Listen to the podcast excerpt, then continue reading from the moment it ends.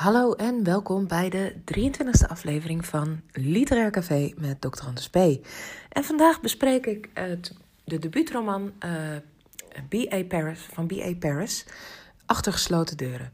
Ik heb dit boek al een tijdje gelezen, maar uh, ik vond het zo'n goed boek dat ik het toch met jullie wilde bespreken. Op de achterflap staat: Achter gesloten deuren van B.A. Paris lees je in één ruk uit. In Engeland zijn al meer dan 500.000 exemplaren verkocht. Achter gesloten deuren is de spannende thriller die iedereen leest. Iedereen kent wel een echtpaar als Jack en Grace. Hij is knap en rijk, zij is charmant en elegant. Mensen om jaloers op te zijn als je ze niet aardig zou vinden.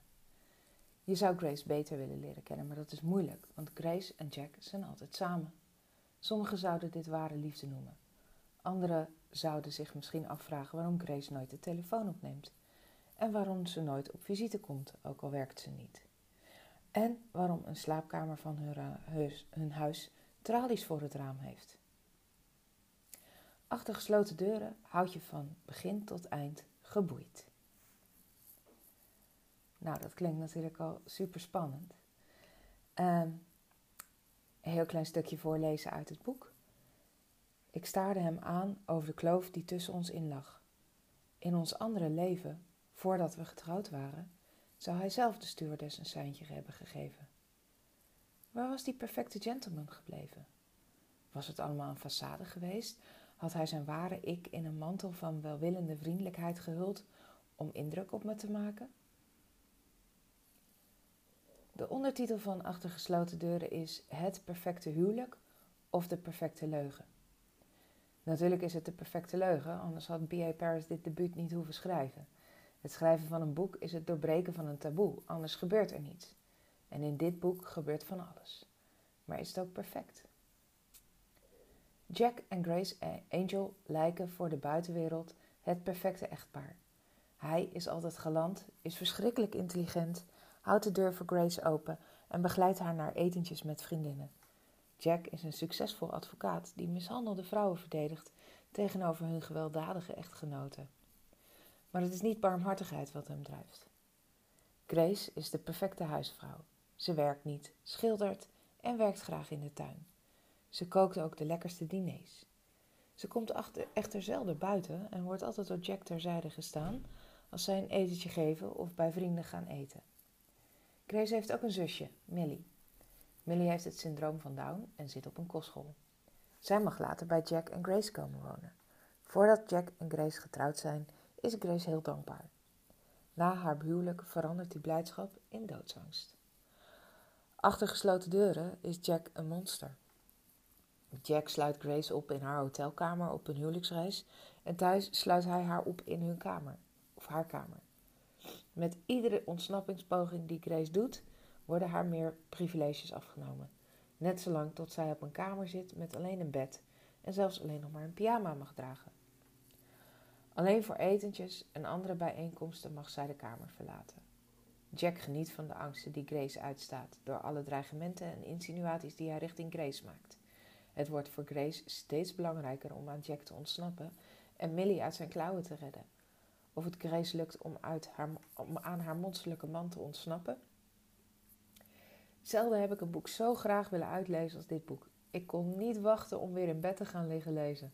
Ik lees meestal s'avonds, vandaar. Uh, de spanning wordt langzaam opgebouwd naar het einde van het boek. Uh, Grace heeft uiteindelijk tot haar schrik nog maar een paar dagen om Millie en zichzelf te redden. Millie speelt een grote rol bij het einde van het boek. En ondanks haar beperking is ze slimmer en sterker dan je zou verwachten. Haar favoriete uitspraak. Ik vind Jack leuk. George Clooney is stom. Hier vindt een bijzondere omdraaiing plaats. In eerste instantie is George Clooney degene die stom is, maar later staat Clooney voor Jack en Jack voor Clooney. Jack is waanzinnig intelligent en het lijkt Grace steeds drie stappen voor te zijn. Ik wilde gewoon iedere keer doorlezen om te zien wat er zou gebeuren, hoe Jack zou reageren en wat voor een gemeen spelletje hij nu weer zou spelen om Grace gehoorzaam te houden. Al in de eerste hoofdstuk, al in de eerste regel van het hoofdstuk zie je de spanning. De champagnefles stoot tegen het marmeren aanrechtblad, waardoor ik opschrik. Ik kijk vluchtig naar Jack en hoop dat hij niet heeft opgemerkt hoe nerveus ik ben. Hij vangt mijn blik en glimlacht. En even verderop. Terwijl we door de gang lopen, zie ik de bloeiende lelie die Diane en Adam voor onze tuin hebben meegebracht. De tint roze is zo mooi dat ik hoop dat Jack haar zal planten waar ik haar kan zien vanuit de slaapkamer. Alleen al door de gedachte aan de tuin wellen er diep van binnen tranen in me op. Maar ik beding ze snel. Er staat vanavond zoveel op het spel dat ik me op het hier en nu moet concentreren. Ik vroeg me vanaf het begin direct al af waarom schrikt Grace als ze de champagnefles tegen het aanrecht aanstoot en waarom ze moet huilen uh, als, ze aan de tuin, als ze aan de tuin denkt. De toon van het boek is op de eerste pagina al gezet. Achter gesloten deuren wisselt tussen het heden en het verleden en daardoor moet je wel goed opletten waar je bent in het verhaal. Maar de afwisseling is prettig en zorgt ervoor dat je steeds meer begrip krijgt voor de passieve houding van Grace in het heden. Grace is zeker niet naïef. Hoe kun je verwachten dat iemand omdraait als een blad aan een boom en een verschrikkelijk karakter laat zien natuurlijk? Je hoort zo vaak dat iemand die later een psychopaat blijkt te zijn, dat hij altijd vriendelijk en voorkomend was. Dat men het niet achter hem gezocht had. Wat ik wel jammer vond aan het verhaal is dat het waarom achter Jack niet verder werd uitgediept. Daar had veel meer in gezeten voor mijn gevoel. Het einde ga ik niet verraden, want eigenlijk vind ik dat je achter gesloten deuren zelf nog moet lezen. Dus vooral doen. Dit was mijn review van uh, Achter gesloten deuren van B.A. Paris. En ehm, ja, ik lees graag veel van haar. Uh, dus uh, er gaan echt nog wel meer verhalen van haar voorbij komen in deze podcast om te reviewen. Um, nou, mocht je denken, oh, dat vind ik leuk. ik wil ook graag eens een keertje een boek schrijven waar ik een review van kan maken. Nou, laat het me even weten. Plan een, een, call met mij van 20 minuten en ik help je gratis met het uh, uitdiepen van je boek in die 20 minuten. Dit was de 23e aflevering van Literair Café met Dr. Anders P. Dankjewel voor het luisteren.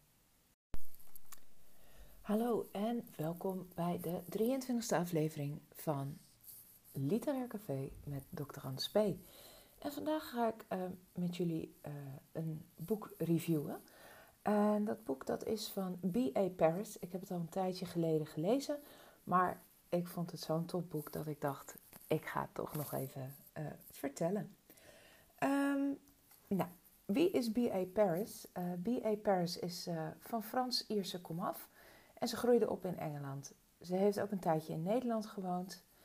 En op dit moment woont ze in Frankrijk en daar heeft ze met haar man een talenschool opgezet.